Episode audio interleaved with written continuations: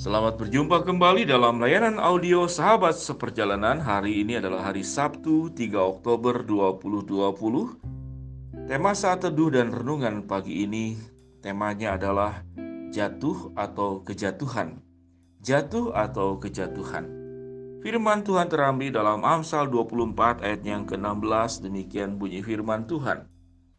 Sebab tujuh kali orang benar jatuh, namun ia bangun kembali. Tetapi orang fasik akan roboh dalam bencana, sebab tujuh kali orang benar jatuh, namun ia bangun kembali. Tetapi orang fasik akan roboh dalam bencana. Mari kita berdoa. Bapa yang di dalam surga, kami akan membahas satu bagian kebenaran firman Tuhan untuk kami bisa mengerti apa bedanya jatuh dan apa bedanya kejatuhan Jatuh adalah bagian yang Tuhan izinkan untuk membuat kami semakin naik tinggi, semakin sukses, semakin berhasil di dalam segala aspek. Namun, kejatuhan adalah sesuatu yang kami perbuat sendiri karena pemberontakan dan ketidaktaatan kami kepada Tuhan. Biarlah ya Tuhan, kami boleh merenungkan bagian ini dengan benar. Dalam nama Tuhan Yesus, kami berdoa. Amin. Sahabat seperjalanan yang dikasih Tuhan, apa itu bedanya jatuh dan kejatuhan? Kalau kejatuhan di dalam Alkitab, kita melihat ada dua bagian firman Tuhan.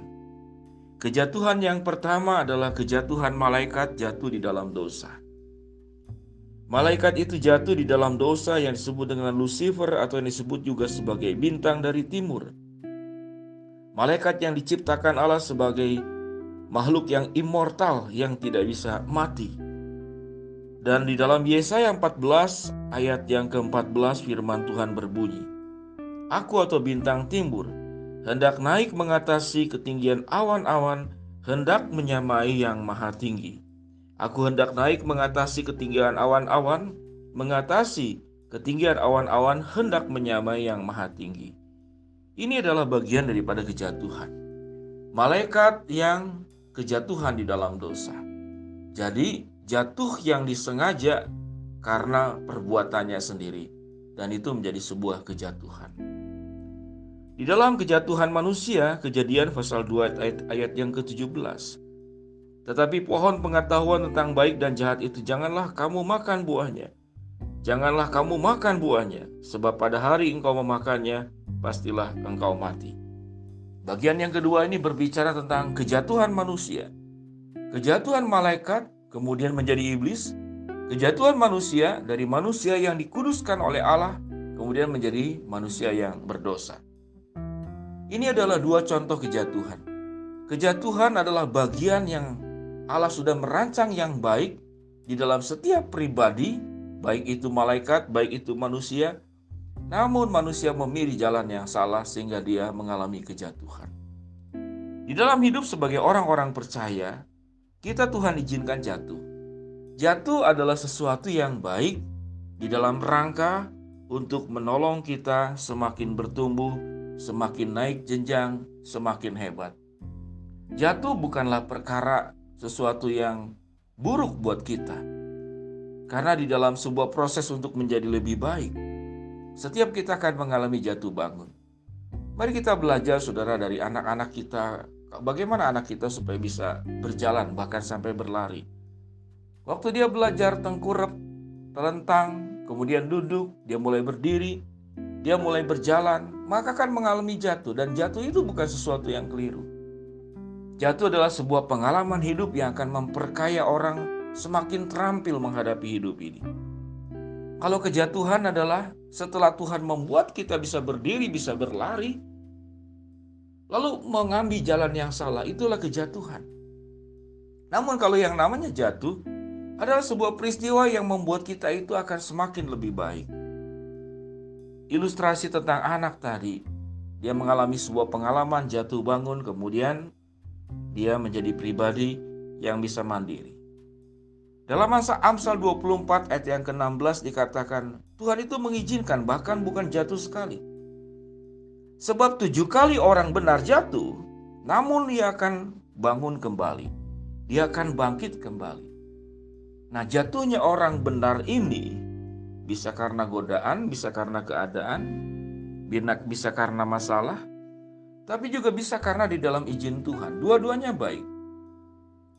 Jatuh karena persoalan hidup, jatuh karena masalah ekonomi, jatuh karena sebuah kesalahan yang orang lain lakukan kepada kita. Namun orang-orang yang jatuh itu ada penyertaan Allah di dalamnya. Tuhan tidak akan membiarkan kita sendiri. Karena kita tidak melepaskan Tuhan. Itu berbedanya. Kejatuhan malaikat dan kejatuhan manusia di dalam dosa itu karena mereka melepaskan Tuhan. Tetapi orang-orang benar itu tetap menggenggam Tuhan sehingga sewaktu pengalaman jatuh berapa kali pun Tuhan akan membuat engkau akan terangkat kembali, engkau akan bangkit kembali dan dikatakan engkau sekalipun tujuh kali jatuh, orang benar itu tidak akan ter, terperosok, tidak akan tersungkur, tidak akan terjerembab. Tujuh kali orang benar jatuh, dia akan bangun kembali. Karena mengapa? Karena orang benar tetap memegang tangan Tuhan. Orang benar tetap mengandalkan Tuhan. Orang benar tetap ditopang dan didukung oleh Tuhan.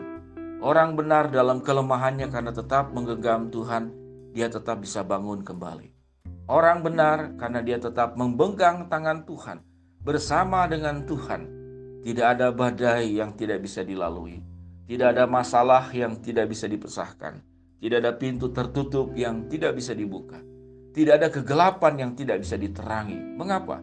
Karena orang yang benar yang jatuh sampai tujuh kali bahkan seribu kali dalam izin Tuhan dia akan bangun kembali.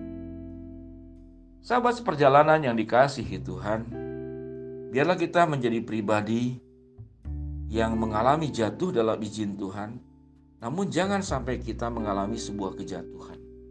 Kejatuhan adalah sebuah pilihan yang kita lakukan sendiri karena kita tidak mau menggenggam tangan Tuhan.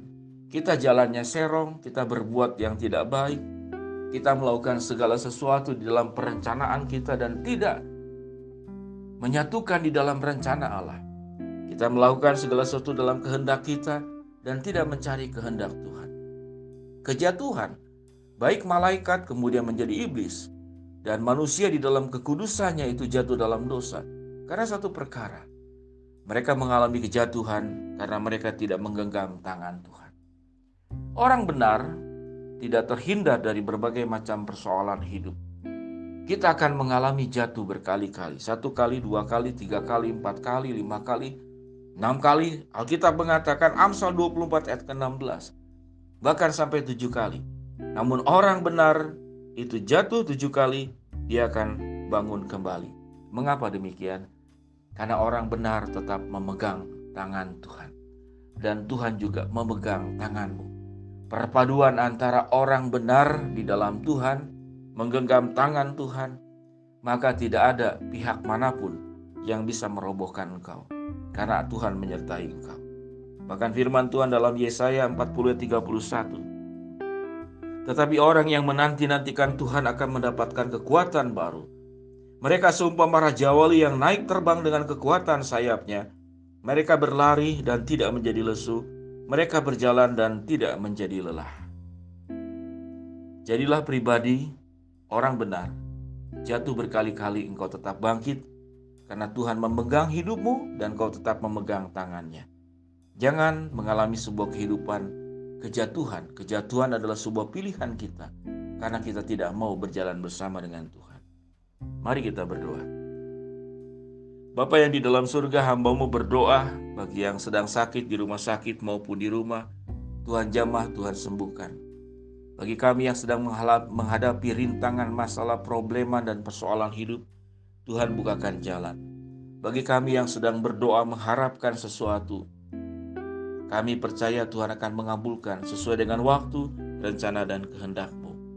Bila ya Tuhan kami menjadi pribadi, orang benar jatuh berkali-kali, kami tetap bangkit kembali. Jangan jadikan kami menjadi pribadi yang memilih hidup dengan cara kami dan mengalami kejatuhan. Dalam nama Tuhan Yesus kami berdoa. Amin.